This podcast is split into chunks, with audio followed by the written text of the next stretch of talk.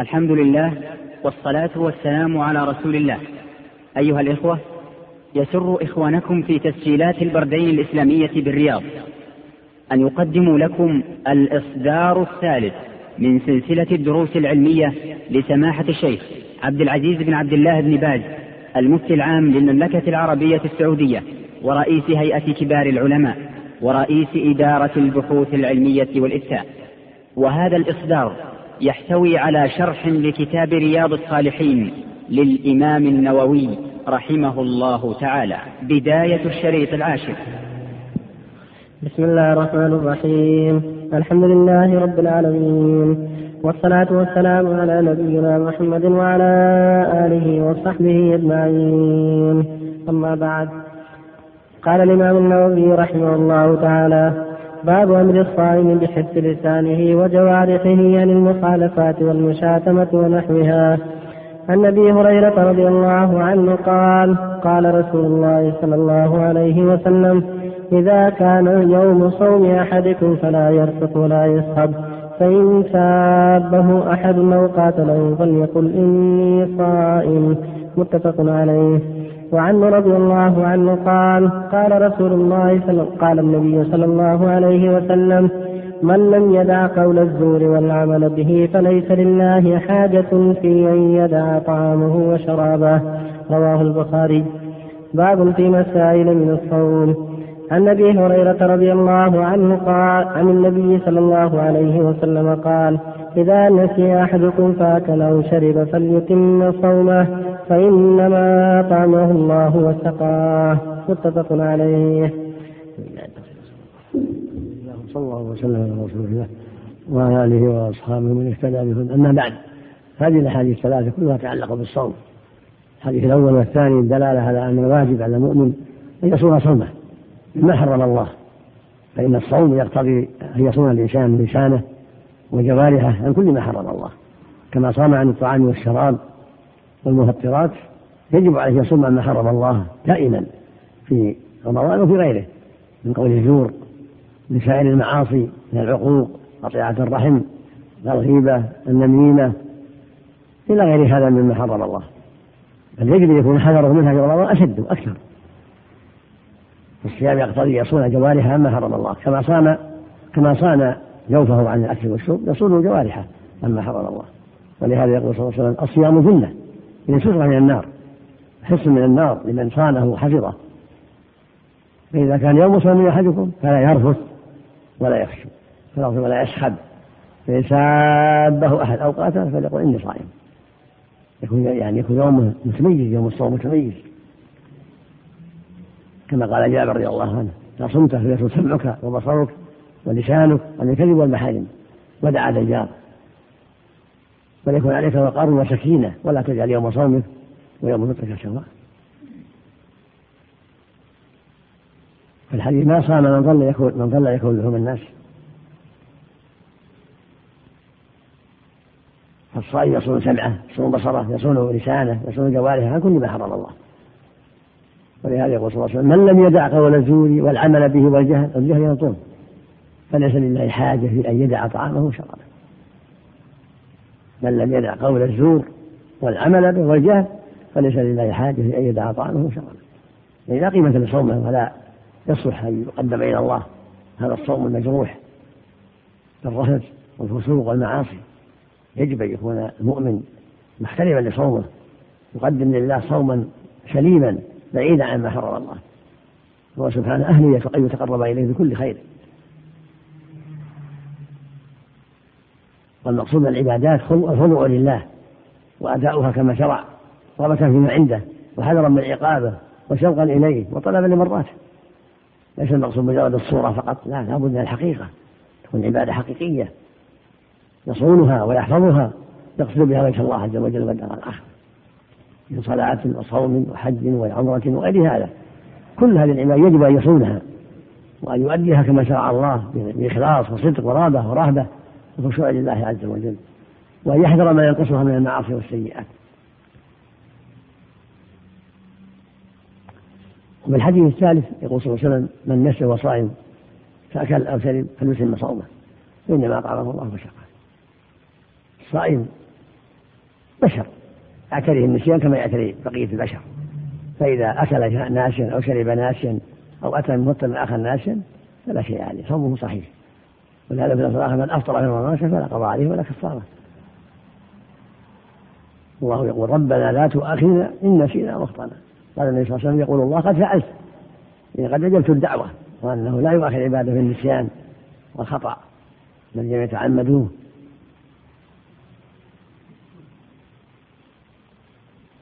فالصوم عبادة عظيمة كما قال جل وعلا في الحديث القدسي كل عمل ابن آدم له الحسنة بعشر أمثالها. شيء إلا الصوم فإنه لي يقول رب وعلا إلا الصوم فإنه لي وأنا عزيزه ترك شهوته وطعامه وشرابه من أجل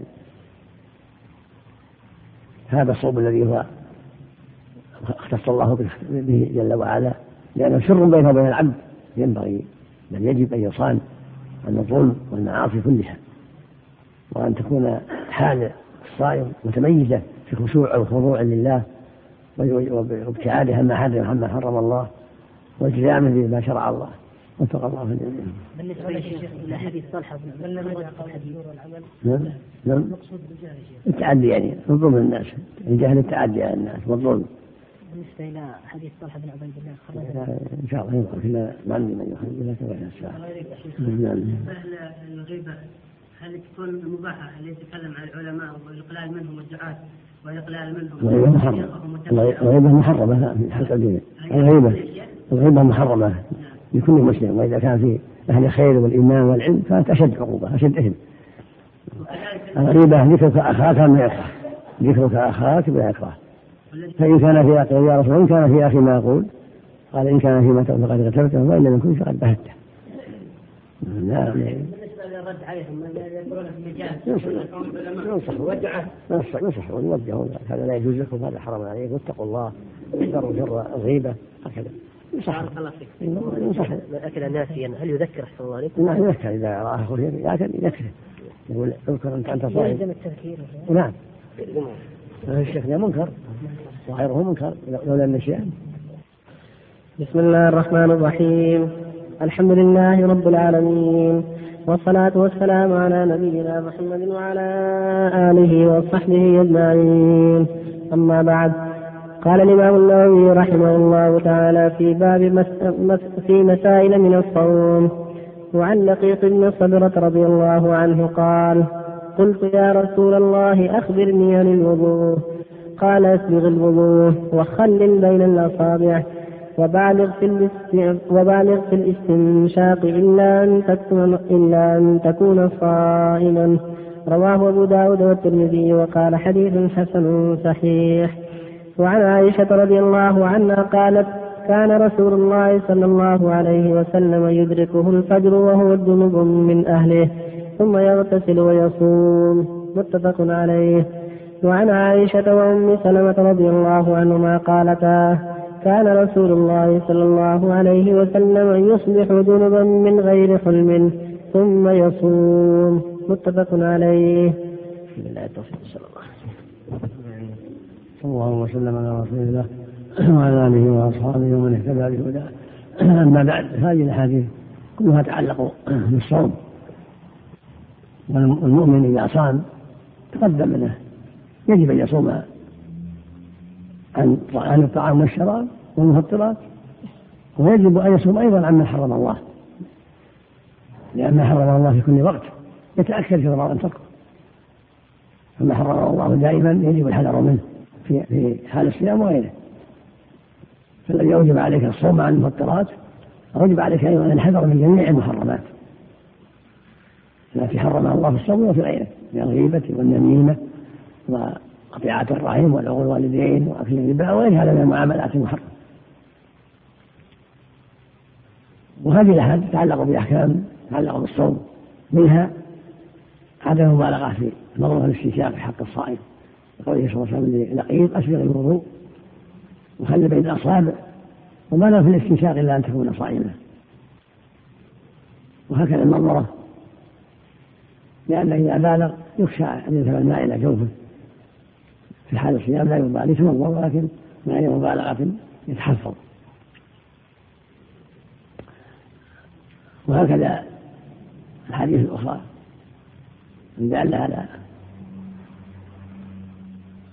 يعني حديث فعلا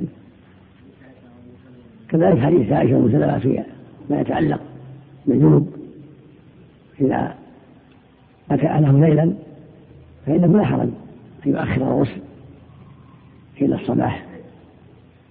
ولهذا أخبرت عائشة وأم سلمة عليه وسلم كان يصبح جنوبا من جماع ثم يغتسل ويصوم ولا يقضي. فدل ذلك على أن محرم الجماع في نهار الصيام. أن يكون في يجامع في آخر الليل ويتأخر الغسل حتى يصبح ويغتسل بعد الأذان لا بأس لا حرج عليه في ذلك. لأن قد يضيق الوقت عليه فيؤخر الغسل ويبدأ بالسحور ثم يغتسل بعد الأذان لا حرج. لكن ما فعله أفضل الخلق وأربعهم عليه الصلاة والسلام. نعم. وفق الله جميعا لا لا ما عليه. ممكن ممكن أن يقع. ما عليه. نحن في الجماعة ولهذا قالوا من غير حلم ولأنه يمكن حلم ما قالوا من غير حلم. الحلم قد يتراءى الإنسان في النوم. أشياء فيفعل ما يفعله الإنسان مع أهله.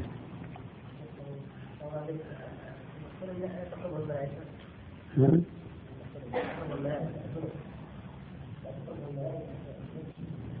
النبي صلى الله عليه وسلم لما جاء أبو هريرة وحذيفه وانخلس منه قال انه قال صلى الله عليه وسلم إن المسلم لا ينجس. المسلم الجنابة معنى من المعاني ما في نجاسه معنى من المعاني يجب الغسل. وهكذا الحيض يجب الغسل والمرأة طاهرة عرقها طاهر ريقها طاهر ما مسته طاهر شعرها طاهر وهكذا الجنوب عرقه طاهر بدنه طاهر لكن عليه ان يغتسل كما امره الله. يعني الزياده الزياده اللي رواه ابو داود ان الملائكه لا تدخل بيتا في هذا محل الله هذا محل الله. كان النبي صلى الله عليه وسلم يبيت رجلا عليه الصلاه والسلام. يتوضا الصلاه وينام رجلا عليه الصلاة والسلام. فلو كانت الملائكة تمتنع من الجنوب ما ما باته النبي عليه الصلاة والسلام. قد يأتيه وحي نعم. يعني لو صح تكون شاذة ما هو الظاهر صحيح. أما الصورة والكلب صحيح. نعم. يا شيخ إلى الجلوس في المسجد إذا كان الإنسان جنوب وتوضأ. الصواب لا يجلس حتى يغتسل. يقول إن لا أحد المسجد حاضر ولا جنوب. وعن بعض الصحابة كانوا يجلسون ولا لعلهم ما بلغهم الحديث. الله يقول الله يقول سبحانه إلا عابر سبيل ولا جنوبا إلا عابر سبيل يعني مر من المسجد نعم. بعض الناس يظن أنه مثلا حفظ اللسان أو الصوم. بس بعد ما يفطر يطلق العنان لا محرم دائما. ما في ما في يشتد التحريم. في رمضان يشتد في رمضان وفي الحرم الشريف في المدينة في زمن الفاضل والمكان الفاضل يشتد التحريم. يكون في اكبر سواء كان برضه يشاهد الأفلام أو المقصود جميع المعاصي اثمها أكثر في رمضان اثمها في رمضان وفي مكة آه أكثر في المكان والزمان الربا في مكة أعظم الزنا في مكة أعظم الغيبة في مكة أعظم وهكذا العقوق هكذا في المدينة هكذا في رمضان هكذا في اشهر الحجة. يعني يتضاعف الإثم نسال الله. العافيه من حيث من حيث الكثرة يا شيخ من حيث الكيفية. السيئة واحدة. السيئة واحدة سيئة في مكة أعظم من سيئة في الصائم أو غيره. سيئات في رمضان أعظم من سيئات في شعبان. من جهة الإثم يعني. كيف هذا شيخ الرسول الله جل وعلا قال ومن جعل السيئة فلا يجزى إلا مثلها. سيئة لكن السيئات تختلف في العظم عظم الإثم. كما أن الحسنات تختلف في عظم الثواب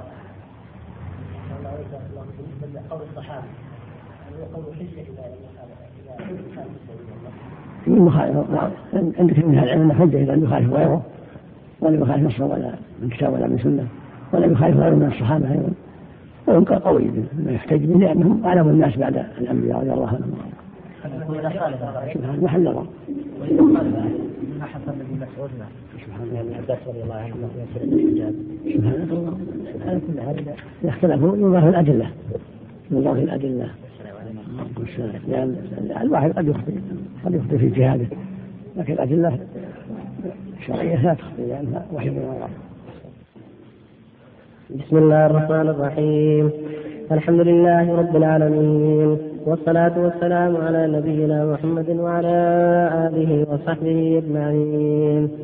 أما بعد قال الإمام النووي رحمه الله تعالى باب بيان فضل صوم صوم المحرم وشعبان والأشهر الحرم. عن أبي هريرة رضي الله عنه قال قال رسول الله صلى الله عليه وسلم أفضل الصيام بعد رمضان شهر الله المحرم وأفضل الصلاة بعد الفريضة صلاة الليل. رواه مسلم. وعن عائشة رضي الله عنها قالت لم يكن النبي صلى الله عليه وسلم يصوم من شهر أكثر من شعبان فإنه كان يصوم شعبان كله. وفي رواية كان يصوم شعبان إلا قليلا. متفق عليه. وعن مجيبة الباهلية عن أبيها أو عمها أنه أتى رسول الله صلى الله عليه وسلم ثم انطلق فأتاه بعد سنة وقد تغيرت حاله وهيئته فقال يا رسول الله أما تعرفني؟ قال ومن أنت؟ قال أنا, أنا الباهلي الذي جئتك عام الأول. قال فما غيرك؟ وقد كنت حسن حسن الهيئة.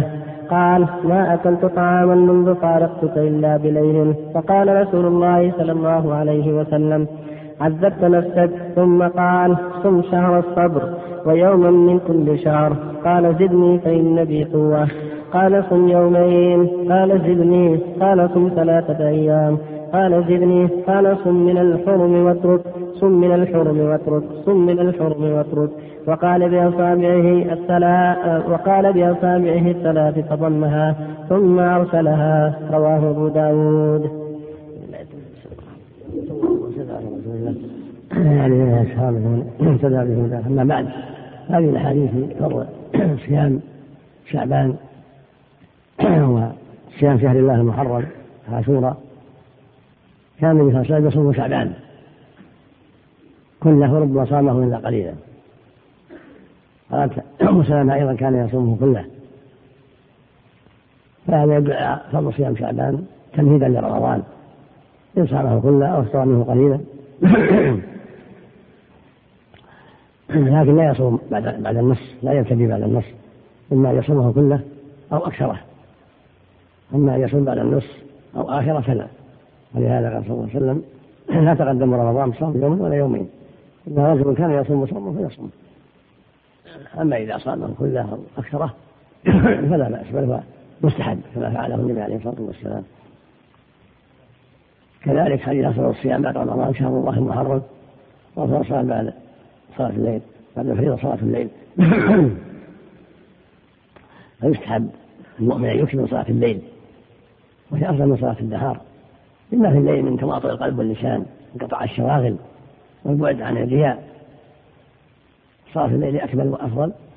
مع التطوع في النهار بما يسر الله كصلاة الضحى راتبة الظهر وربعا قبل العصر كل هذه سنة. لكن ينبغي اجتهاده في الليل أكثر. وهكذا حديث مجيبة الهلالي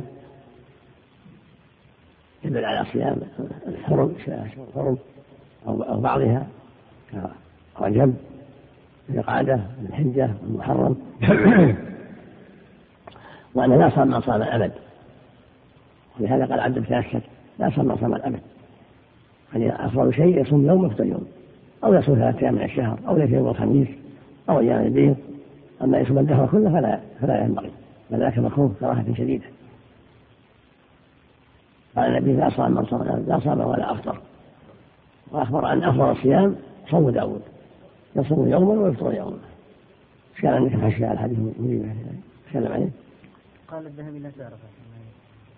قال عندك هذا؟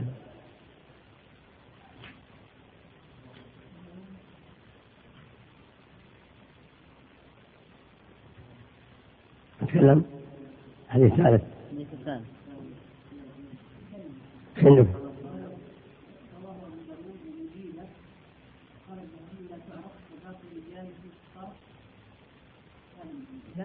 نجيب على الصحابي الصحابي ما يضر معي ترجمة مجيدة في التقريب. شو؟ قال الحافظ مجيبة بضم أوله وكسر بعدها تحتانية ثم موحدة. الباهي. وقيل هي امرأة. من الصحابة. روي لها حديث في الصوت. روى لها النسائي ذكر النسائي فقط. ماشي. وقال الذهبي في الميزان مجيب الباهلي روى لها النساء كذلك لم يذكر أبو داود. ويقال مجيب الباهلية عن عمه في الكون وعنه أبو كريم غريب لا يعرف. الصحابي لا أبو الصحابي لا تفرج حالته. وهم من الحافظ ابن حجر. الصحابي لا تفرج حالته لأن مجيبة هو السائل. سند الحديث. الله إليك. الحمد لله. يقول هنا عن مجيبة عن أبيها. لا لا عند النووي مجيبة لكن راجع راجع. هذا في النووي. شوف تخريجه في أبي داود واحد منكم راجع تخريجه في أبي داود والنسائي. بسم الله الرحمن الرحيم. الحمد لله رب العالمين والصلاة والسلام على نبينا محمد وعلى آله وصحبه أجمعين. أما بعد قال المؤلف رحمه الله تعالى باب فضل الصوم وغيره في العشر الأول من ذي الحجة. عن ابن عباس رضي الله عنهما قال قال رسول الله صلى الله عليه وسلم ما من أيام العمل الصالح فيها أحب إلى الله من هذه الأيام يعني أيام العشر. قالوا يا رسول الله ولا الجهاد في سبيل الله. قال ولا الجهاد في سبيل الله إلا رجل خرج بنفسه وماله فلم يرجع من ذلك بشيء. رواه البخاري. باب فضل يوم عرفة وعاشوراء وتاسوعا عن أبي قتادة رضي الله عنه قال سئل رسول الله صلى الله عليه وسلم عن صوم يوم عرفة قال يكفر السنة الماضية والباقية. رواه مسلم.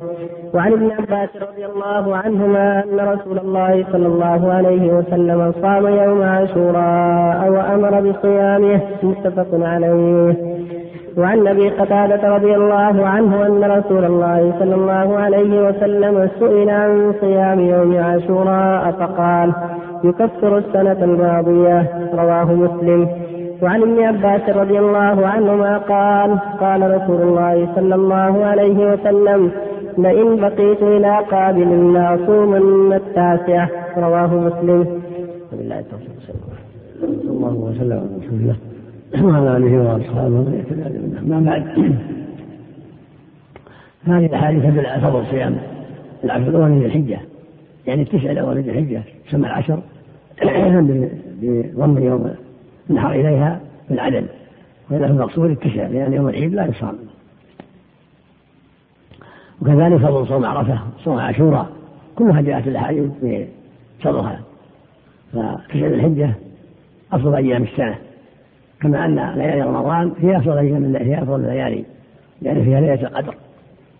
وتسع الحجة هي أفضل الأيام لأن فيها يوم عرفة. ويوم النحر فيستحب صيامها والإكثار من العمل الصالح فيها من صدقات تسبيح وتهليل وتحميد وتكبير وغير هذا من وجوه الخير. لقوله صلى الله عليه وسلم من أيام العمل الصالح إن خير وأحب إلى الله من هذه الأيام العشر. لأن الرسول لا جهاد في سبيل الله قال ولا جهاد في سبيل الله إن رجل خرج من نفسه وماله ثم لم يرجع من ذلك بشيء.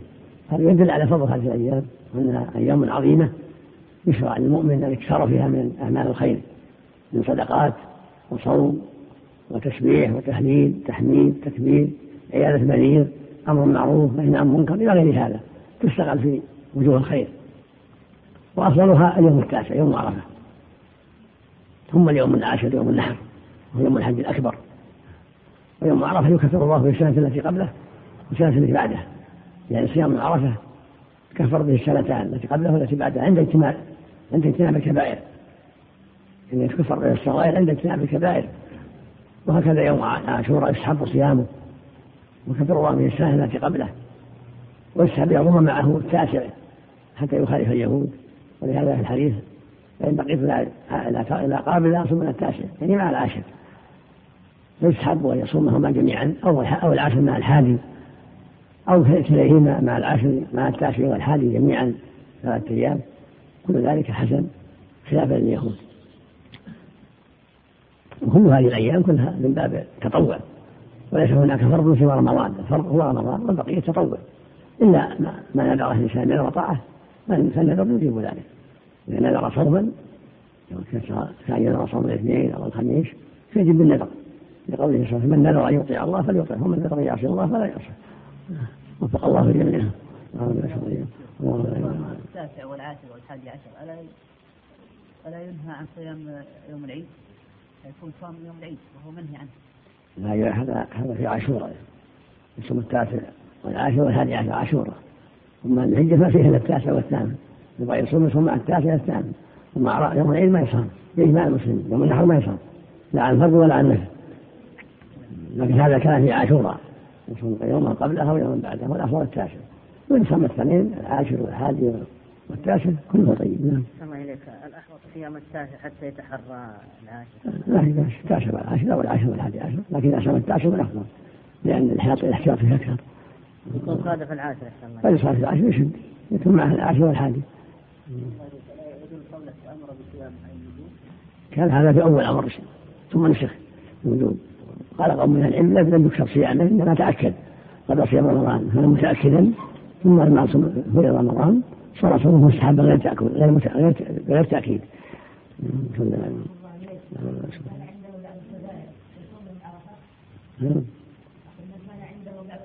اللي عندك كبائر اللي ما عندك كبائر يستحب له صيام عرفة.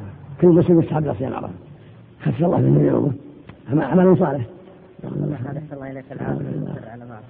كل مسلم كل مسلم يستحب له تطوعات ولو معاصي. المعاصي أولى الناس بأن يحصل وجوه الخير لعله يخفف عنه. ما شرطه اجتناب الكبائر يقول الله جل وعلا إن تجتنبوا كبائر ما كفت عنه سيئاتكم يعني الصغائر يقول النبي صلى الله عليه وسلم الصلاة الخمس والجمعه الجمعة. ورمضان كفارة لما بينهن ما لم تشرك كذلك. لفظ آخر إذا اجتنب الكبائر أحضرنا إسناد مجيبة الباهلية إيه إيه قال أبو داود باب في صوم أشهر الحرم حدثنا موسى بن إسماعيل قال أخبرنا حماد سعيد الجريري عن أبي السليل عن مجيبة عن أبيها أو عمها. ثم ساق لفظه أنه أتى رسول الله صلى الله عليه وسلم. ثم أتى رسول ثم انطلق فأتاه بعد سنة وقد تغير حاله وهيئته. فقال يا رسول الله أما تعرفني؟ قال ومن أنت؟ قال أنا الباهلي الذي جئتك عام الأول. قال فما غيرك؟ وقد كنت حسن الهيئة. قال ما أكلت طعاما منذ فارقتك إلا بليل. فقال رسول الله صلى الله عليه وسلم عذبت نفسك. ثم قال صم شهر الصبر ويوما من كل شهر. قال زدني. فإني بي قوة. قال صم يومين. قال زدني. قال صم ثلاثة أيام. قال زدني. قال صم من الحرم واترك. صم من الحرم واترك. صم من الحرم واترك. وقال بأصابعه الثلاث فضمها ثم أرسلها. وقال ابن ماجه حدثنا أبو بكر بن أبي شيبة حدثنا وكيع عن سفيان عن الجريري عن أبي السليل عن أبي مجيبة الباهلي عن أبيه أو عن عمه. هنا قال يا شيخ عن أبي مجيبة في ابن ماجه. قال أتيت النبي صلى الله عليه وسلم فقلت يا نبي الله أنا الرجل الذي أتيتك عام الأول. قال فما لي أراك فما لي أرى جسمك ناحلا قال يا رسول الله ما أكلت طعاما بالنهار ما أكلته إلا بالليل. قال من أمرك أن تعذب نفسك؟ قلت يا رسول الله إني أقوى. قال صم شهر الصبر ويوما بعده. قلت إني أقوى. قال صم شهر الصبر ويومين بعده. قلت إني أقوى. قال صم شهر الصبر وثلاثة أيام بعده. وصم أشهر الحرم. وعن أبيها وذكره الحافظ ابن حجر أبيها قال عبد الله عبد الله بن الحارث الباهلي ثم أحال إلى ترجمته إلى أبي مجيبة. وعندما رجعت إلى الكنى أحال أيضا إلى مجيبة وقال بضم أوله وكسر الجيم بعدها تحتانية ثم موحدة الباهلي وقيل هي امرأة روى لها ابن ماجه من الصحابة. لكن خلاف حتى المحشي ذكر خلاف ما ذكره ابن ماجه. الحديث لأن إذا كانت تابعية سواء مجيبة ولا بمجيبة يكون الحديث فيه علة لهذا التابعي لهذا الحال التابعي الحافظ قال وهي امرأة ماجه لكن ابن ماجه قال عن أبي مجيبة احتمل عندك هذا؟ عندي في عون المعبود شرح سنن أبي داود. إيه. الحاشية قال المنذري إيه. وأخرجه النسائي وابن ماجه إلا أن النسائي قال فيه عن مجيبة الباهلي. عن عمه وقال ابن ماجه عن أبي مجيبة الباهلي عن أبيه أو عمه. وذكر أبو القاسم البغوي في معجم وذكره أبو القاسم البغوي. أبو القاسم البغوي في معجم الصحابة وقال فيه عن مجيبة يعني الباهلية قالت حدثني أبي أو عمي وسمى أباه وسمي أباها عبد وسمى أباها عبد الله بن الحارث فقال سكن البصرة وروى عن النبي صلى الله عليه وسلم حديثا وقال في موضع آخر أبو مجيبة الباهلية أو عمها. سكن البصرة وروى عن النبي صلى الله عليه وسلم حديثا ولم يسمه وذكر هذا الحديث وذكره ابن قانع في معجم الصحابة وقال فيه عن مجيبة عن أبيها أو عمها وسماه أيضا عبد الله بن الحارث. هذا آخر كلامه. وقد وقع فيه هذا الاختلاف كما ترى وأشار بعض شيوخنا إلى تضعيفه لذلك وهو متوجه. ومجيبة بضم الميم وكسر الجيم. مجيبة مجهولة؟ مجيبة أو ضعيف ضعيف حديث وذكر ابو عبد الله وفيه فيه نكارة ما فيها شهر الحرم ما جاء في هذا الحديث. يعني عصر الصيام بعد رمضان شهر الله المحرم عاشور هذا فيه الاشهر الاشهر حرم صوم الاشهر حرم والحديث الصحيحه الحث على صوم الاثنين والخميس ثلاث أيام من كل شهر كما في حديث الله بن عمرو بن العاص وغيره. ما ذكر الاشهر الحرم هذه غريب من هذا الوجه. المقصود الحديث ضعيف. بسم الله الرحمن الرحيم. الحمد لله رب العالمين. والصلاة والسلام على نبينا محمد وعلى آله وصحبه أجمعين. أما بعد. قال الإمام النووي رحمه الله تعالى باب استحباب الصوم ستة أيام من شوال.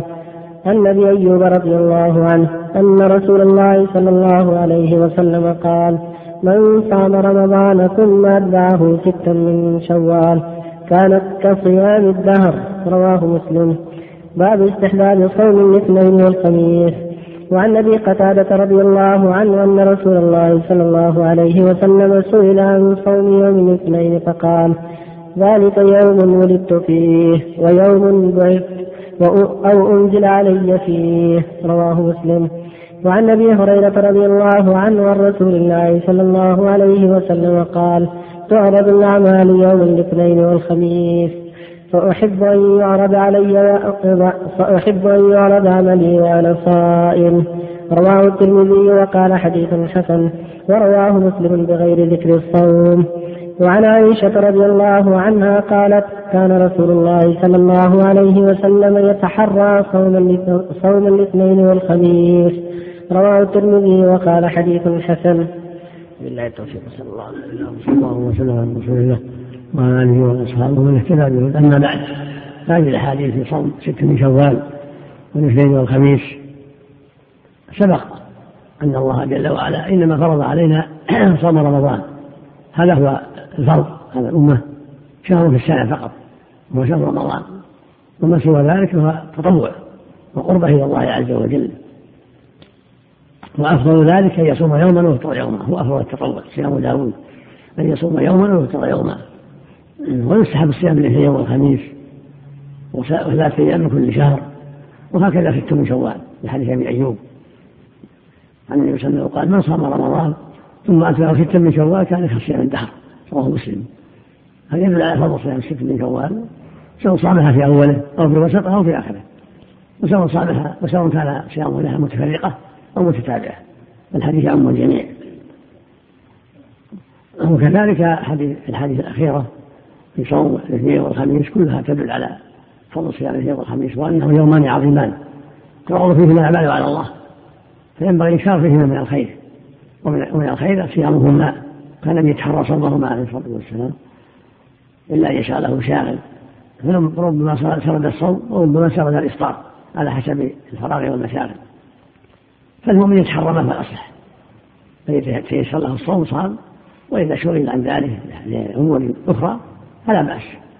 بعض العامة قد يعتقد أنه إذا صام هذا العام يلزمه دائما لا هو يلزم حسب التشريع. إذا صام الاثنين والخميس وأفطر بعض الأحيان أو صام ثلاثة أيام كل شهر وأفطر بعض الأيام ما يصح. المهم أن يتحرى على الخير. ولو شغل عن ذلك في بعض الأحيان فلا, فلا بأس. كله نافلة لكن الإنسان يتحرى الخير يجتهد يصوم الاثنين والخميس ست من شوال ثلاثة أيام كل شهر. يكثر من ذكر الله من التسبيح والتهليل والتحليل يكثر من قراءة القرآن يتحرى عيادة المريض الدعوة إلى الله تعليم الناس الخير الأمر بالمعروف النهي عن المنكر إلى غير هذا الأمور والخير هكذا المؤمن ينتهز الفرص يجتهد فيستغل كل وقته فيما يرضي الله ويقرب إليه في بيته وفي طريقه وفي المسجد وفي كل مكان.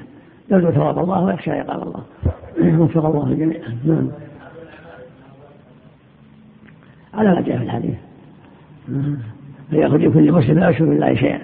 إذا رجلا كانت بينه وبين أخيه شحنة فيقول الله فيقول الله دعوا هذين يصطلحا لا حول ولا قوة إلا بالله. نعم.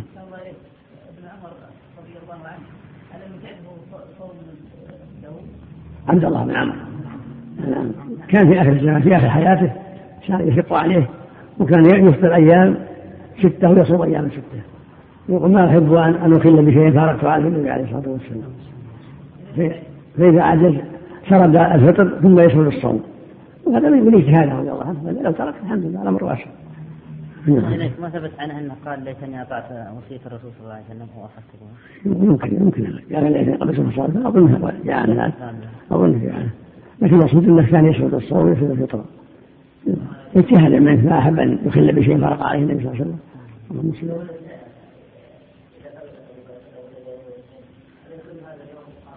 لا بس من جهة الصوم قد يستغل أصحاب المولد هو غلط إنما هذا من جهة الصوم والحصان يوم بعث فيه وانزل عليه فيه وبيوم ولد فيه عليه الصلاة والسلام فصار فيه فضل عن فضل كون يوم مولده وفضل كونه أنزل عليه الوحي فيه عليه الصلاة والسلام.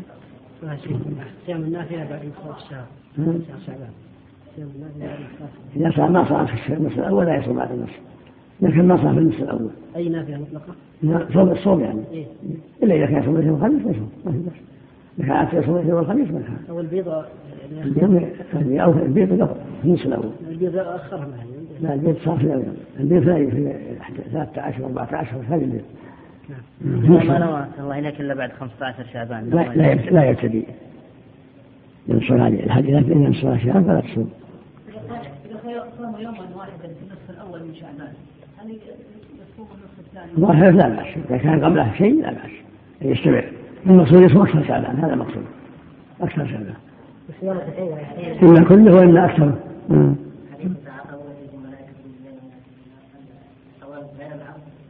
كذا يتبعون مجالس الذكر. يصلون مع الناس الفجر والعصر. عليهم الصلاة والسلام إذا كان الهجر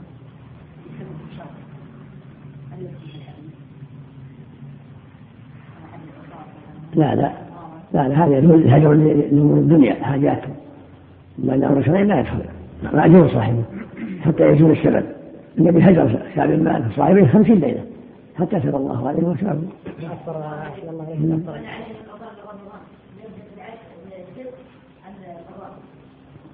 يبدأ بالقضاء القضاء. الله إليك من عنده دش يهجر أحسن الله إليك. يستحق الهجر لأنه فيه شر كثير الدش فيه شر كثير. لكن ينصح ينصح يوجه إلى الخير. إذا كان الرجاء أحسن الله إليك أنه يكف عن هذه أو شيء. ينصح يوجه إلى الخير وقال له احذر هذا ولا تستعمل الدش. لعل الله يهديه بما بلغنا أنه في شر كثير. فيما بلغنا ان الدش في مرائي كثيره خبيثه. متأكد شره نعم هذا. يستحق الهجر من اظهر المعصية يستحق الهجر. هذه قاعدة. سنة مؤكدة هجرة. لا ما قاطع لأن هذا سبب. يقول عبد القادر رحمه الله وسلطان من أبدى المعاصي سنة. وقد قيل إن يردعه أوجب وأكد وقيل على الإطلاق ما دام معلن ولاقي في وجه مكفر مربد مر عنه حتى لو عمه مثلا أو نعم ولو ولو ولو عمه إذا كان أظهر المعصيه في خفية. إذا كان موجود في بيته ظاهر نعم.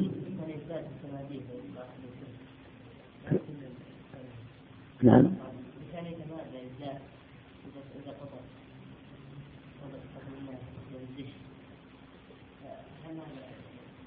إذا رأى إذا رأى مواصلة النصح خير إذا رأى أخوه وعمه مواصلة النصح حتى لا يستمر لا يحجره ينصح يكون لقاء لا نصيحة. مو لقاء أنس محبة.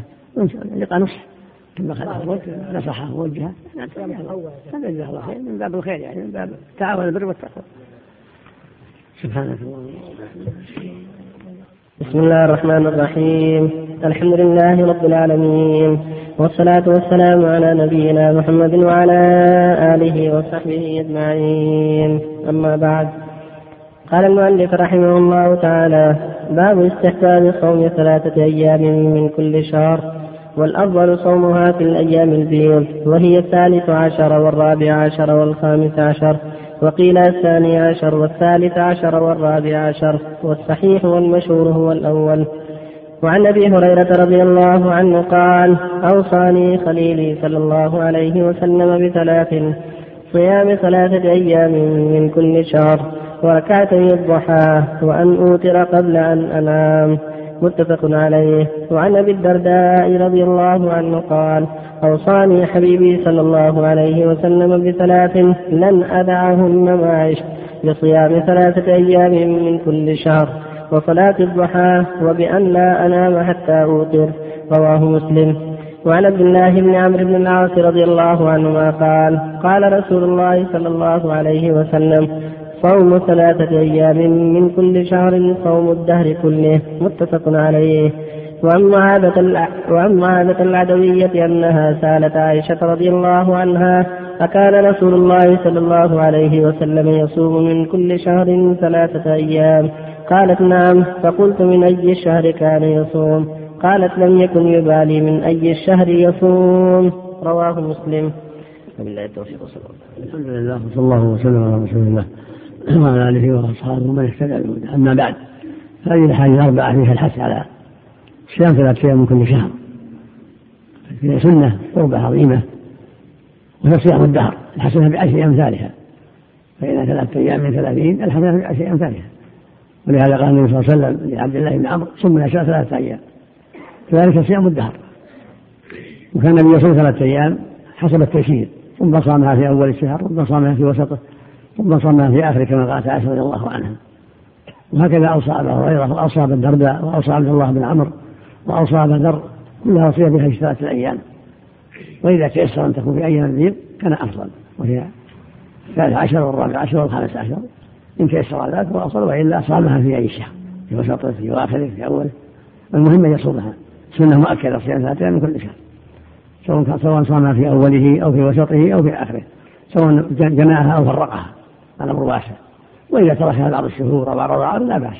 نافلة مستحبة. كذلك صلاة الضحى سنة. صلاة الضحى كما في حديث ابن درداء وابي هريرة أوصى النبي صلاة الضحى. وهي ما ارتفاع الشمس إلى أن تقف الشمس. كل هذا صلاة الضحى. ما بين ارتفاعها قيد الروح إلى أن تقف. يستحب أن يصلي في الإنسان ركعتين أو يصلي أربعا أو أكثر من ذلك. أوصى النبي صلى الله عليه وسلم يصلي ركعتي الضحى. يعني يبدأ صلاة الضحى وصلىها النبي صلى الله عليه وسلم يوم الفتح ثمان ركعات عليه الصلاة والسلام. فالأمر في هذا واسع صلى اثنتين أو أربعة أو ستا أو ثمان أو صلى أكثر من ذلك فهذا كله واسع. وهكذا الوتر ينبغي المحافظة على الوتر. ولهذا أوصى النبي صلى الله عليه وسلم الدرداء وأبا هريرة بالمحافظة على الوتر قبل النوم. إذا كان يخشى أن لا يقوم من آخر الليل يستحب له يوتر أول الليل. وكان أبو الدرداء وأبو هريرة يخشيان ذلك لأنهما كان يدرسان الحديث في أول الليل فلعلهما أوصاهما بذلك لأنهما يخافان لا يقومون في آخر الليل. وفي الصحيح من حديث جابر رضي الله عنه عن النبي صلى الله عليه وسلم قال من خاف ألا يقوم آخر الليل فليوتر أوله ومن طمع أن يقوم آخر الليل فليوتر آخر الليل فإن صلاة آخر مشهودة وذلك أفضل فآخر الليل أفضل لمن تيسر له ذلك. أما من خاف لا يقوم فإنه يوتر في أول الليل حتى لا يفوت عليه الوتر كما أوصى النبي صلى الله عليه وسلم بذلك أبا هريرة وأبا الدرداء.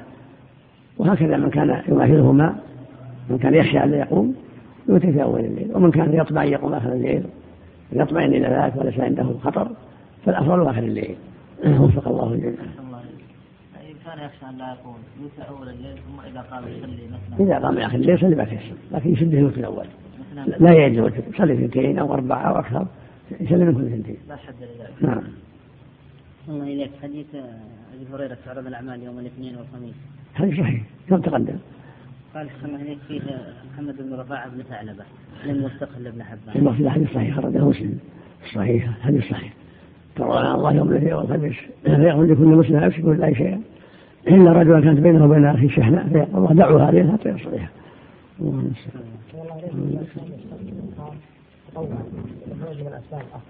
لا في بأس يتطوع أن من نفسه إذا أفطر لا بأس. نافلة. إذا دعت حاجة يفطر. الضيف من عنده أو حاجة يتقوى بها على بعض أعمال الدنيا. ما في بأس. ما في عليه. لا ما عليه ما في حرج. صيام غدا على أنه يوم الاثنين وهو يوم 15 في يقصد يوم الاثنين. لا بأس. يصوم يوم الاثنين سواء كان 15 ولا غيره. ما في بأس. الله إليك إذا كان أحد المسلمين أخوه في الله أو قريبه يعني يتهجم عليه دائما و- ويسبه مثلا أو يغلط عليه بدون سبب. فكلما قاطعه ورجع إليه تكررت منه هذه فهل يستمر في المقاطعة إن لم تجدي معه يعني الطيب معه يسعى في النصيب مناصحة أو أولى يسرع مناصحة على الله يهديه. إذا كان عدم الاتصال به في البشر لا لا يتصل به إذا كان رجل لئيم فاسق لا يبالي ولا يفعل له النصيحة يقطع الحمد لله. أقل شيء أقل هو السنية ولا يعتبر من الشحناء لا لا ما في شيء هو غضبان هو هو غضبان بسم الله الرحمن الرحيم. الحمد لله رب العالمين. والصلاة والسلام على نبينا محمد وعلى آله وصحبه أجمعين. أما بعد. قال الإمام النووي رحمه الله تعالى في باب استحباب صوم ثلاثة أيام من كل شهر. وعن أبي ذر رضي الله عنه قال قال رسول الله صلى الله عليه وسلم إذا صمت من الشهر ثلاثا فصم ثلاث عشرة وأربع عشرة وخمس عشرة. رواه الترمذي وقال حديث حسن. وعن قتادة بن ملحان رضي الله عنه قال كان رسول الله صلى الله عليه وسلم يأمرنا بصيام أيام البيض ثلاث عشرة وأربع عشرة وخمس عشرة. رواه أبو داود. وعن ابن عباس رضي الله عنهما قال كان رسول الله صلى الله عليه وسلم لا يفطر أيام البيض من في حضر ولا سفر. رواه النسائي بإسناد حسن.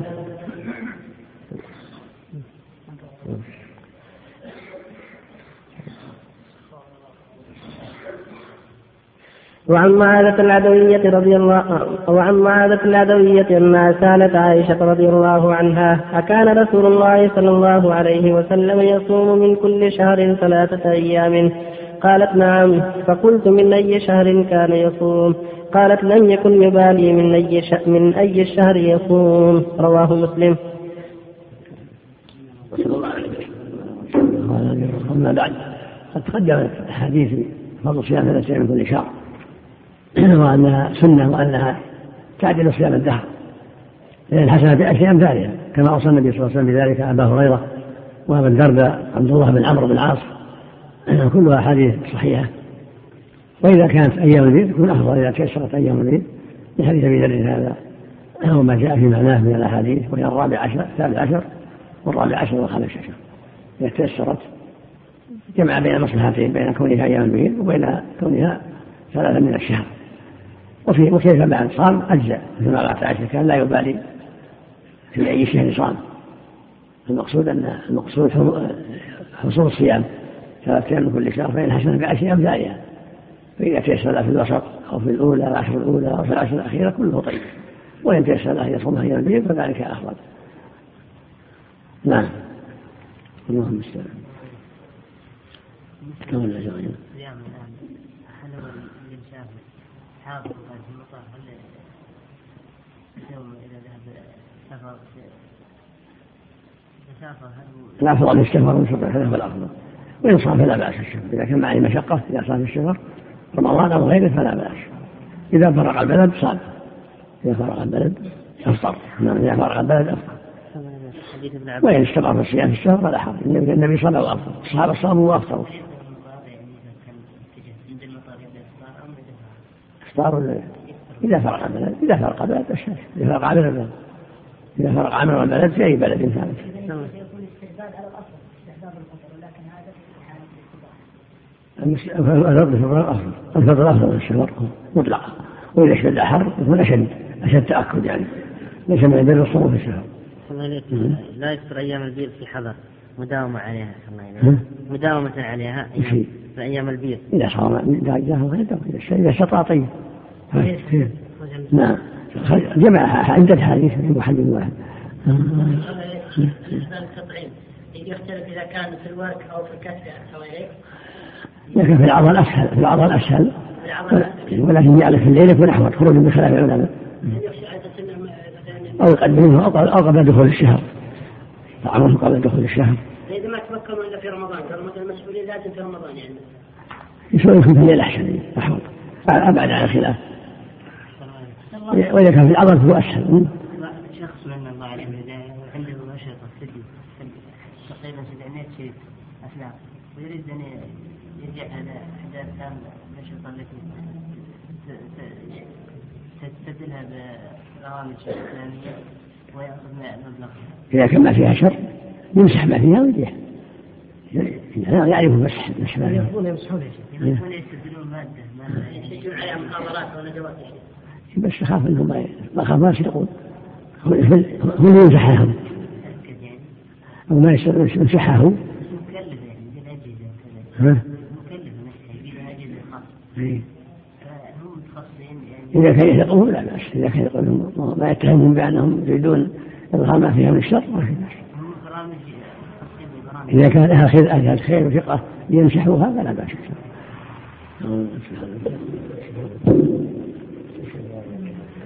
إذا كانت في العضد يعني خلاص يطعمونها أسهل لكن في الليل أحوط إذا تيسر ولا في العضل أسهل. في العضل أسهل. أسهل من العرق. أسهل من إيش؟ من العرق. إيه جزاك الله خير. نهاية